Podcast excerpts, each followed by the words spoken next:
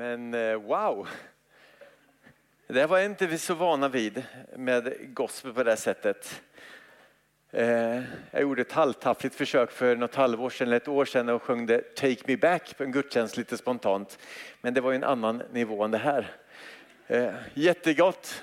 För er som inte känner igen mig så heter jag Niklas Ljung och är pastor här i församlingen. Och ofta med på söndagskvällar på bönen och får lyssna till det här här inifrån är ju fantastiskt gott att få göra. I våras, jag tror det var januari eller kanske februari, så hade vi en, en bönekväll och en av våra bedjare, Joakim, som nog med i princip varje söndagkväll, han fick en bild för vi sa så här, kan vi inte vara tysta en stund och se om Gud vill säga någonting? Och då lite så här trevande sa han, jo men kanske jag ser någonting. Och han såg som en åker och en plog som sattes ner i åken och så plöjde det en fåra som gick väldigt rakt så här. Och han sa att det var viktigt att inte titta tillbaka för då var det snett utan titta framåt och plöja den här. Och ett, ett par andra tilltal den kvällen handlade om hjärtat så efteråt så gick Kim hem och eh, målade en målning, en tavla. Det är den vi ser här. Om ett hjärta som blir plöjt som en åker. Och den här bilden, jag tror det var i februari du ritade den, eller målade den. Rita, ja, måla. Eh, och utifrån det så har den där levt med. Vi har haft upp den en lång tid på, på väggen här och den här bilden har liksom inte släppt. Och vi känner att nej men, det finns någonting där som jag tror Gud är ute efter i våra liv. Att sätta plogen i våra hjärtan och att plöja upp den. För ibland blir det så hårt här inne. Känner ni igen det? Men att Gud får liksom vända upp och ner lite. Han får liksom göra vårt hjärtas åker lite mer porös, lite mer luckrat så att det Gud vill göra i oss blir möjligt. Så den här eh, bilden har eh, funnits med oss och vi har sagt att ja, men vi skulle vilja under en månad tala om det här. Hur Gud vill plöja våra hjärtan och ibland är det smärtsamt. Det kan vända upp och ner på saker i våra liv och det kan liksom bryta och det kan bända i oss. Men syftet är att göra våra hjärtan mjukare. Att låta våra hjärtan få bli annorlunda, att förvandla oss inifrån och ut. Hjärtan som är mottagliga för det som Gud vill göra och det Gud vill plantera i oss. Och på ett sätt så så tror jag att det är ganska vanligt när man läser Bibeln att faktiskt att beskriva våra liv eller våra hjärtan i form av så här växttermer. Vid flera tillfällen så i gamla testamentet så liknas Israel vid en vingård eller och vid ett par tillfällen vid ett olivträd. Att, att folket är som, ett, ett, som en växt. Och det är någonting som återkommer också i, i flera av Jesu olika liknelser. Och så vi vill nu under november fokusera på en av de många liknelser som Jesus talade. Och han vill liksom, där han beskriver våra hjärtan just som en åker. Och det här liksom, eh, att beskriva våra hjärtan, liksom, det, är åt, det är återkommande. Och det smärtsamma och det som kanske liksom gör, vänder upp och ner på mycket i våra liv, det är att vi inser att när Bibeln talar om våra hjärtan så är det inte bara åh det är så fantastiskt och så underbart, det är så åh vad gosigt ditt hjärta är. Utan den är ganska ärlig med hur det ser ut här inne. Och om du ställer dig framför spegeln och tittar och frågar dig själv, hur ser det ut i mitt inre? Så är det också ditt svar att ja, det kunde vara bättre. Är det inte så? Nej. Jo, några nickar. Och Jesus han, han är, ibland så man frågar någon vad tycker du om Bibeln? Då kan, oh, men den är bra. Vad tycker du är bra då? Ja, bergspredikan den är ruskigt bra. Okej, okay, då tänker jag varenda gång, undrar om de har läst bergspredikan? För den är inte så rusk, den är ganska så plöjande. Jag ska läsa ett, eh, ett, eh, ett stycke som, är, som ligger i linje med det, det som står i bergspredikan. Det här är ett, vid ett annat tillfälle han undervisar men mycket av det som han säger här kommer också upp i bergspredikan. Så här står det i Markus kapitel 7 och bibelordet kommer upp på väggen också. Och det är Jesus som säger det här. Förstår ni inte att inget av det som kommer in i en människa utifrån kan göra henne oren. Och det man hävdar till då det här att, att Man hade pratat om mat, om du äter den maten då blir du oren och äter du den här så blir du, Han säger att men det handlar inte om det. Ty, säger han, det går inte in i hjärtat utan ner i magen och kommer sen ut på avträdet eller toaletten. Och så förklarar då Markus här, därmed förklarade han all föda för ren. Men han sa det, och lyssna nu på det här, det är Jesu ord. Det som kommer ut ur människan, det är det som gör henne oren. För inifrån här, ur människornas hjärtan kommer de onda tankarna. Otukt, stöld, mord, äktenskapsbrott, själviskhet, ondska, bedrägeri, liderlighet, avund, förtal, högmot, förblindelse. Allt detta kommer inifrån som gör människan oren. Alltså när jag tittar mig själv i spegeln så kan jag ibland undra att jag vet inte om du varit i en situation där man är lite stressad eller man är lite extra trött eller man inte fått mat att äta eller något sånt här tillfälle. Och sen så säger någonting och sen bara tänder det till. Har det hänt någon här? Ja. Tack Yvonne, fantastiskt ärliga människor. Eh, men det, och då är det som att det där som finns i mig, det finns liksom inga spärrar. Liksom att är jag trött eller grinig eller tjurig och hungrig, då bara ploppar det där ut ur oss. Och anledningen till att det ploppar ut ur oss är ju inte för att den andra sa någonting fel, utan för att det finns här inne. Och när jag ser mig själv i spegeln så kan jag se att det finns så mycket i mitt liv som skulle behöva förändras. Så mycket som här inne skulle behöva tas ur och liksom förändras och förvandlas. Och Jeremia i gamla testamentet profeterar om det här när han säger att, att hjärtat, alltså här inne, är det bedrägligaste av allt. Säger han. Det är oförbättligt. Vem kan förstå det? Och det är bara att inse att jag har levt i 52 år. Så många gånger har jag hamnat i situationer där, ja, men hur kunde jag göra så där? Det var ju dumt. Men det var mitt hjärta som ledde mig. Så därför kan vi bara konstatera att den här sånggruppen Friends hade fel. Vi ska inte lyssna till vårt hjärta som vet vad vi känner. Att det inte finns någon annan än du som bestämmer. Därför att hjärtat är bedrägligt. Så följer vi bara vårt inre, vårt hjärta, så kommer vi ofta hamna fel. Och därför fortsätter Jeremia. Och han säger då ett ord från Gud. Säger, jag, Herren, jag ransakar hjärtat. Han ser in i ditt hjärta. Och han vet vad som finns där inne. Och då kan man känna lite skrämmande. Okej, okay, vad gör han då när han ser mitt hjärta? Jag Herren rannsakar hjärtat. Jag prövar njurarna och lönar var och en för vad han har gjort. Så som hans gärningar förtjänar. Och där kan jag bara känna att när jag läser det här tänker jag, okej okay, Gud, det är illa för mig i så fall. Men de goda nyheterna, gospel, goda nyheter, det är att faktiskt Gud har valt att göra två saker. För det första så har han valt att sända sin son till världen för att dö för våra synder. Så att vi inte behöver få det straff som vi förtjänar. Är inte det goda nyheter? Att när jag ser mitt hjärta, när jag gör saker som jag inte borde och som jag känner som, kommer, som väller ut ur mig så behöver inte jag ta konsekvenserna fullt ut. Straffet för det där onda som finns i mig har Jesus sagt att det där tar jag på mig på korset. Du är förlåten. Och allt jag behöver göra som vi pratade om här om söndag, det är att jag tar min synd och jag får lämna den vid korset och säga att jag behöver din förlåtelse. Det andra han vill göra är att han faktiskt vill förvandla våra hjärtan. Så här skriver Hesekiel att Gud säger, jag ska ge er ett nytt hjärta. Fylla er med en ny ande. Jag ska ta bort stenhjärtat ur kroppen och ge er ett hjärta av kött och blod. Med min egen ande vill jag fylla er. Alltså vilken skillnad. Tänk att det här hjärtat som då är fyllt av vad Jesus sa, av avund, mord, avundsjuka och allt det här. Tänk att det som finns här inne vill Gud ta och han vill göra, ta bort det. Det här hårda hjärtat och han vill plantera ett nytt hjärta i våra liv.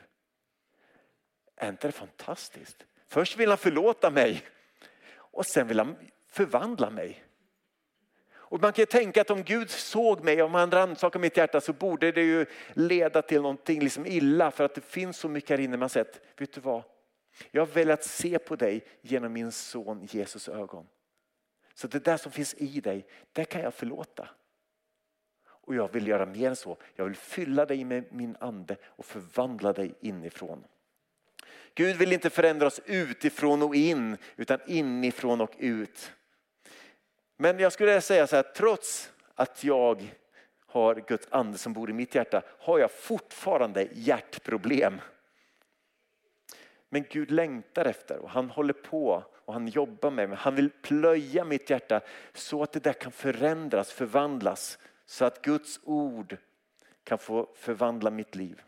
Och våra hjärtan kan förvandlas så att det som förut fanns här inne nu är annorlunda.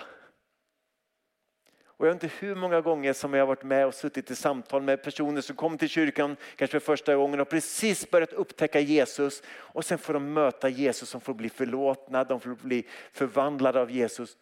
Och sen helt plötsligt så kan de säga så här, ja vet du vad, förut brukade jag men nu Alltså förut så hände det här och, och då började det här ploppa upp i mitt liv. Men nu har det hänt någonting. Alltså Gud har börjat förvandla hjärtan. Och Bibeln har ett namn för den här förvandlingen och det är ordet helgelse. Att våra hjärtan blir förvandlade, de blir helgade, det händer någonting i oss. Och Jesus sa precis det här när han sa att om någon blir kvar i mig och jag i honom, då sker den här förändringen, förvandlingen och han bär rik frukt.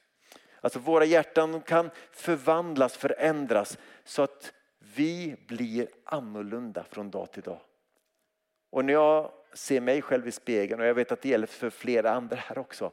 Så finns det, om man är ärlig, det finns en hel del som skulle behöva förändras. Och Jesus vill hjälpa oss med det. Men han knäpper inte med fingrarna och sen så sker det över en natt. Det är någonting som tar längre tid än så. Det är därför han säger att om någon är kvar i mig eller förblir i mig och jag i honom så bär han frukt. Och just det här språket plockar också Paulus upp när han talar om våra hjärtan. Och han säger att, att den här frukten som kommer när vi håller oss nära honom, den är så här. Det är kärlek, det är glädje, det är frid, det är tålamod, vänlighet, det är godhet, det är trofasthet, ödmjukhet och självbehärskning. Men problemet är att jag ofta, och jag tror att kanske fler här, behandlar andens frukt som gåvor. Vi ber om frid fast vi borde hålla oss kvar vid Jesus som får frid där. Det är alltså det frukt som kommer ut, inte gåvor. Men ibland så ber jag, Gud ge mig tålamod och ge mig det snabbt för nu är det verkligen behövs. Men tålamod kommer när jag förblir i Jesus, håller mig nära honom, är med honom, umgås med honom. Och frågan är, om man nu tittar på vår värld, hur skulle vår värld se ut? Om andens frukt fanns i alla människor. Hur skulle det se ut? Jag kan säga att vi skulle inte ha något krig i Ukraina. Vi skulle inte ha någon konflikt nere i Israel-Palestina. Vi skulle inte ha det. Och om alla människor fullt ut var fyllda av kärlek, glädje, frid, tålamod, vänlighet, godhet, trofasthet, ödmjukhet och självbehärskning. Alltså det skulle nästan vara som himmelriket på jorden eller? Därför att det är där Gud har tänkt för den här världen. Och det är det som han vill att vi ska upptäcka. Även om vi lever i en trasig värld som drabbas så mycket av ondska, av trasighet, så är det det som Gud vill. Han vill vi ska bli fyllda av kärlek, glädje, frid, tålamod och så vidare. För det skulle förändra oss inifrån och ut och det skulle förändra vår värld. Och som vi hörde förut så kommer en dag i himlen där det kommer bli så igen. Där alla har det här i sina liv. Om Gud vill att vi ska bära frukt så är frågan att hur kan den här frukten, hur kan det här hjärtat, hur kan det här bli så mjukt så att den här frukten liksom kommer ut ur mig? Hur kan Gud förvandla mig? Och där kommer vi landa i den här liknelsen då ifrån eh, Lukas evangeliet. Jag tror det är Lukas kapitel 8 och vers 4 och det kommer upp på skärmen också. Och Jesus säger då så här om våra hjärtan. Och han börjar med att tala om liknelse och sen så ger han sin förklaring. När mycket folk samlades och man, tog, och man drog ut till honom från de olika städerna så sade han i en liknelse. Och det här är Jesu liknelse då. En man gick ut för att så sitt utsäde. Och när han sådde föll en del på vägkanten och folk trampade på det och himlens fåglar åt upp det. En del föll på berghällen. Och när det hade vuxit upp så vissnade det bort eftersom det inte fick någon väta. En del föll bland tistlarna och tistlarna växte upp samtidigt och förkvävde det. Men en del, säger han, föll i den goda jorden och det växte och gav hundrafaldig skörd. Och sedan ropade han, hör du som har öron att höra med. Och lärjungarna satt där, vi fattar inte. Vad säger du? Varför pratar du liknelser hela tiden? Och sen förklarar han det under några verser varför han talar i liknelser. Och sen bara okej, okay, jag gör en förklaring.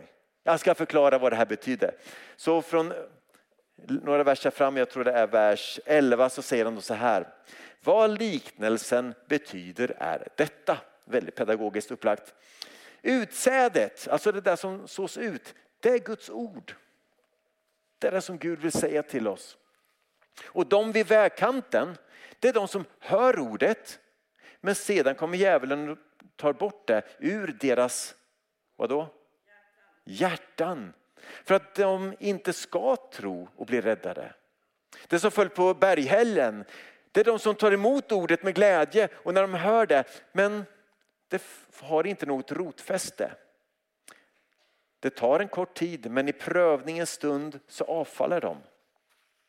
Det som föll bland tistlarna, det är de som hör ordet men som längre fram kvävs av livets bekymmer, rikedomar och nöjen och aldrig ger mogen skörd.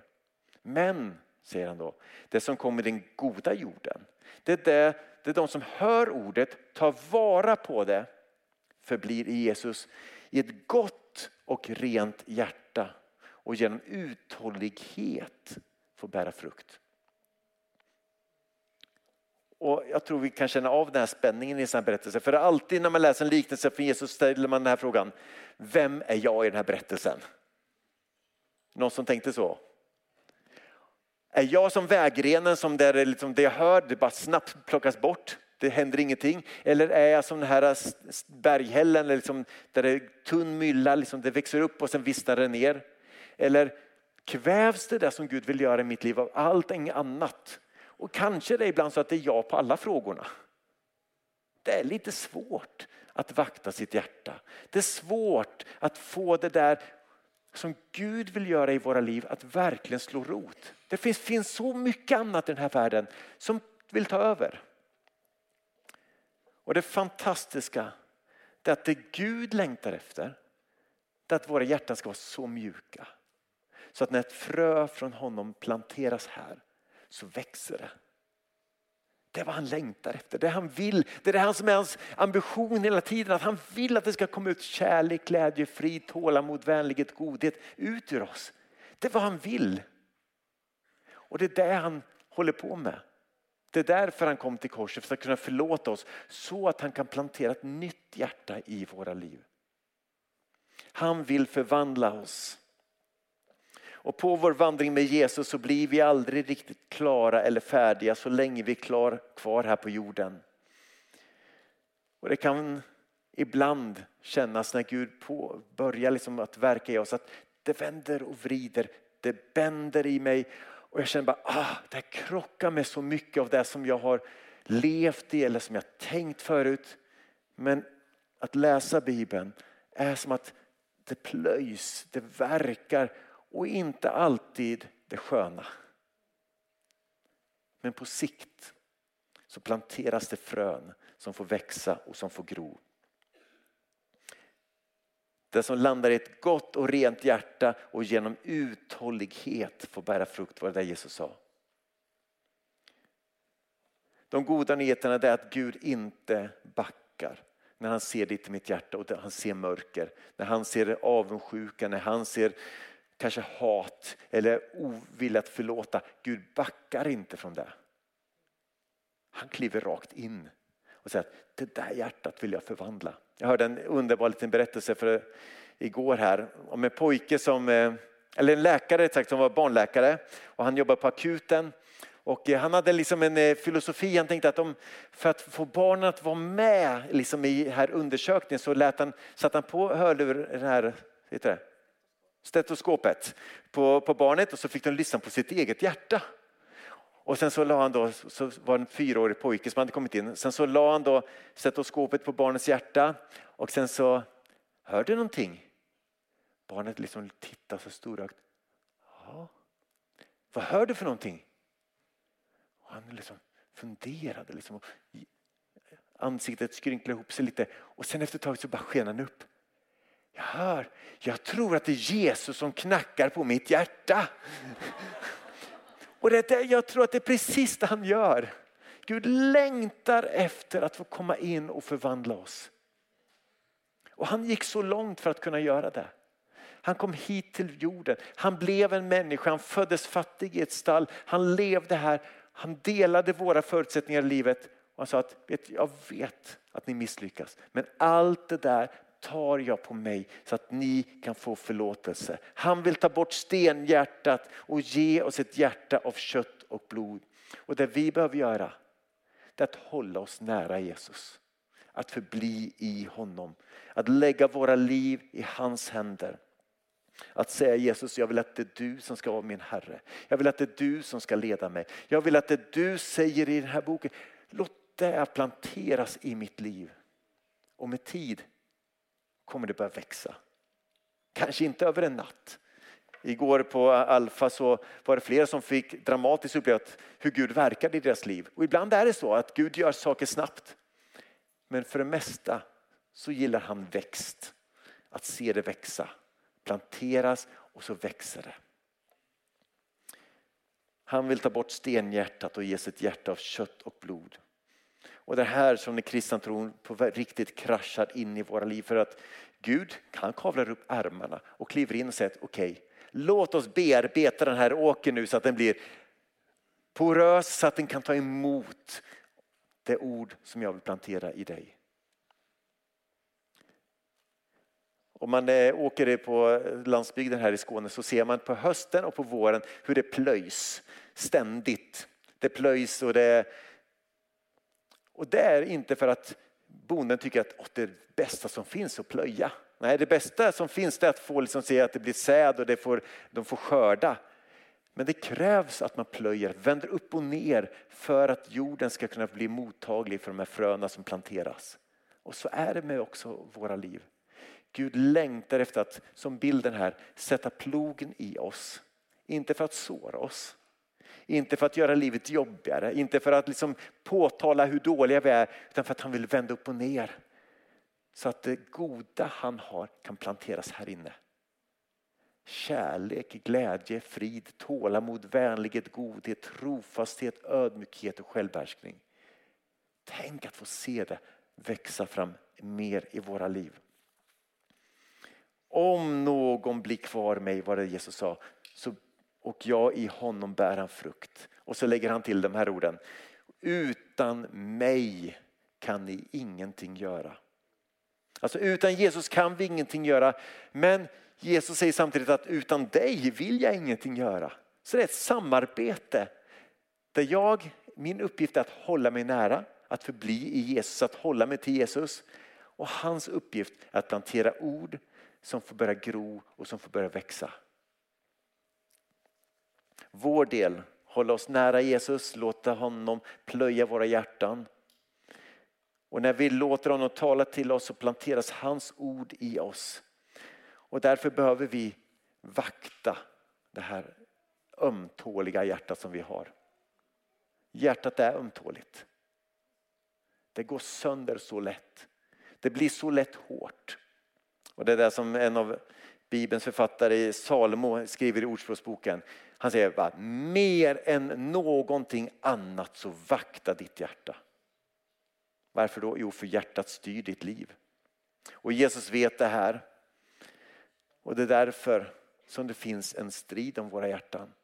Det finns så mycket kraft som vill dra våra hjärtan åt olika håll.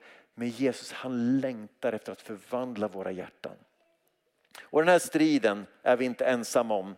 För ungefär 3000 år sedan så levde en kung i Israel som hade den här striden. Vid ett tillfälle, han hade en armé, det var kung David. Och han, vid ett tillfälle så ledde han inte armén utan han skickade iväg sin armé för att strida och själv stannade han kvar i palatset. Lite uttråkad kanske, undrar hur det gick, så gick han upp på taket. Och sen så gick han och spanade där och tittade ut från taket och så ser han en vacker kvinna som badar på ett tak bredvid. Och det där som Jesus sa fanns i hjärtat dök upp ur hans hjärta. Avund. Lust. Henne ska jag ha. Så han beordrar att hon ska hämtas in till honom. Och de, eh, han har sex med henne och hon blir gravid. Och han försöker sedan att dölja över det här. Han försöker liksom att få det här att gå bort. Så att han tänker att om jag tar hem hennes man Uria så att de får vara tillsammans då kommer alla tro att det är hans barn. Så vi löser det här på så sätt. Men det går inte för Uria sa att Nej, men jag kan inte gå till min fru om jag min armé eller mitt folk är ute i armén så jag, jag, måste vara med dem. Så han lägger sig på golvet i hallen och sover. Jag ligger här tills jag kan ut till min armé igen, till, mitt, till mina soldater. Och David bara, nej du skulle gå hem. Jag, han försöker, försöker, försöker skylla över här och dölja sitt, sin synd och sitt brott. Till slut så befaller han att Uria ska tillbaks till armén och han skickar Uria längst fram och så säger han till soldaten så här, när det är som hårda strider, dra tillbaks alla men säg ingenting till Uria så han får stå där själv. Och han blir dödad. När Uria har dött och efter att Batseba har sörjt så tar han Batseba till sin fru. Och han tror nu att jag kom undan med det. Men Gud som ransakar hjärtan lät honom inte komma undan. Han såg vad som fanns där inne. Och Gud skickar en profet som heter Naman. Och Naman säger till David, du eh, det är en, eh, en, eh, en bonde här borta som, eller två stycken, de är grannar. Den ena är rik, den andra fattig. Den ena har ett får som han låter bo hemma hos sig, behandlar det som sitt eget barn. Och sen är det en rik som har massa med får. Den rika fick lite främmande och han sa då till sina tjänare att gå och sno den fattiga mannens får och slakta det. Och David blir vansinnigt arg när han hör det här. Säger, vem är den mannen? Han ska, stri, han ska minsann få känna på hur det är, det här orättvisan. Och då tittar Naman rakt in i ögonen på David och säger, du är den mannen. David som kanske trodde att han hade kommit undan. Han skulle kunna förneka att vadå, det är inte jag. Jag har, inte, jag har aldrig gjort sådär med något får. Och så kan han lekt dum. Han skulle också kunna gå till attack och sagt att du Naman, du har satt din sista potatis. Nej, det har de inte kanske. Men du har sagt det sista, nu är, åker du ut. Men istället så säger David så här, ja du har rätt. Jag är den mannen. Mitt hjärta är inte som det borde. Och så säger han att jag är skyldig. Och det hela resulterar i en salta psalm som jag vill avsluta med. Och det står så här i psalm 51. Och det här skrev David direkt efter det att Naman hade påtalat hur fel David hade gjort. Och han säger förbarma dig Gud i din nåd. Stryk ut mina synder i din stora godhet. Gör mig fri från all min skuld och rena mig från min synd. Jag vet vad jag har brutit, min synd står alltid inför mig. Mot dig, bara mot dig Gud har jag syndat. Jag har gjort det som är ont i dina ögon. Och du har rätt. när du ställer mig till svars. Den dom du fäller är rättvis. Och sen säger han ungefär det Jesus sa, i skuld är jag född. I synd blev jag till i min moders liv. Alltså det, det finns här inne i mitt hjärta. Men du, säger han till Gud, som älskar ett uppriktigt hjärta. Ge mig vishet i mitt innersta. Rena mig med isop från min synd. Tvätta mig vit som snö. Låt mig få höra glädjerop och lovsång. Låt den som du har krossat få jubla. Vänd bort din blick från mina synder. Stryk ut all min skuld. Och så säger han de här orden. Skapa i mig Gud ett rent hjärta.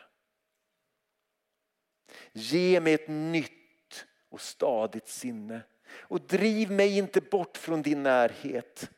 Och ta inte ifrån mig din helige ande.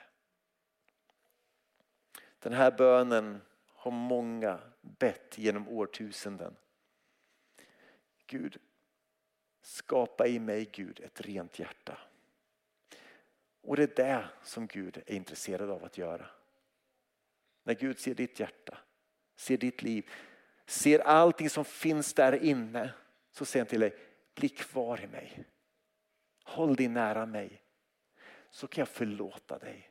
Håll dig närma mig så kan ditt hjärtas åker luckras upp så att det jag säger till dig kan få landa i dig och få bära frukt.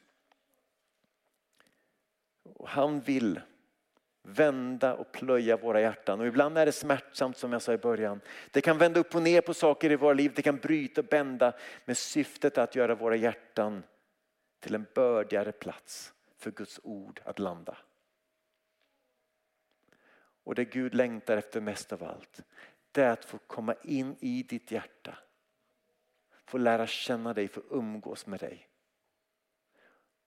Och han längtar efter att ta ditt hjärta av sten och sätta in ett nytt hjärta av kött.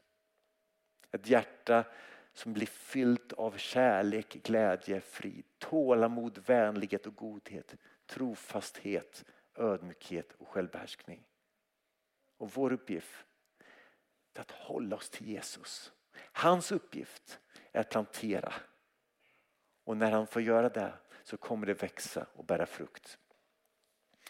Herre, tack för att du som den här pojken sa att du knackar på mitt hjärta. Tack för att du gör det.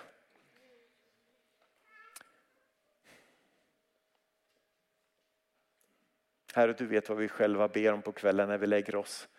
Du vet vad vi tänker när vi ser oss i spegeln.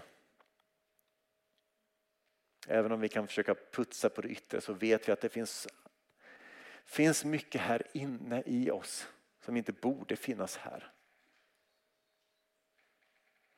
Och vi vet att det borde finnas mer kärlek, glädje, frid. Mer tålamod, vänlighet och godhet. Men det är sån konflikt i oss, många av oss. Men Gud förvandla våra hjärtan. Skapa i oss Gud ett rent hjärta. Fyll oss med din egen närvaro, din ande. Och Herre, jag vill ge dig tillåtelse att plöja mitt hjärta. Vända på det som behöver vändas på. Brytas det som behöver brytas. Luckras upp det som behöver luckras upp. För jag längtar efter att mitt hjärta ska vara ännu mer mottagligt för din säd. Så plantera i oss ditt goda liv.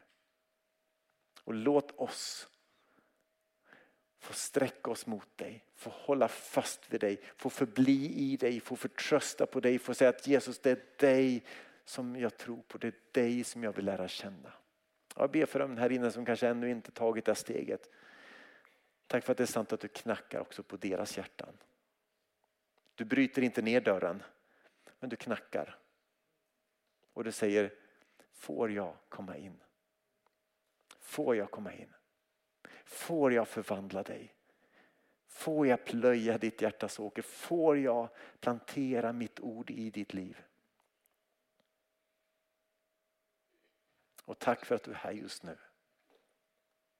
Och tack för att vi ska få fira nattvard. Som just är den bästa platsen att börja om på. Eller kanske börja för första gången. Att säga till dig ja. Ja, jag vill lära känna dig. Ja, förlåt mig. Jag är skyldig. Förlåt mig.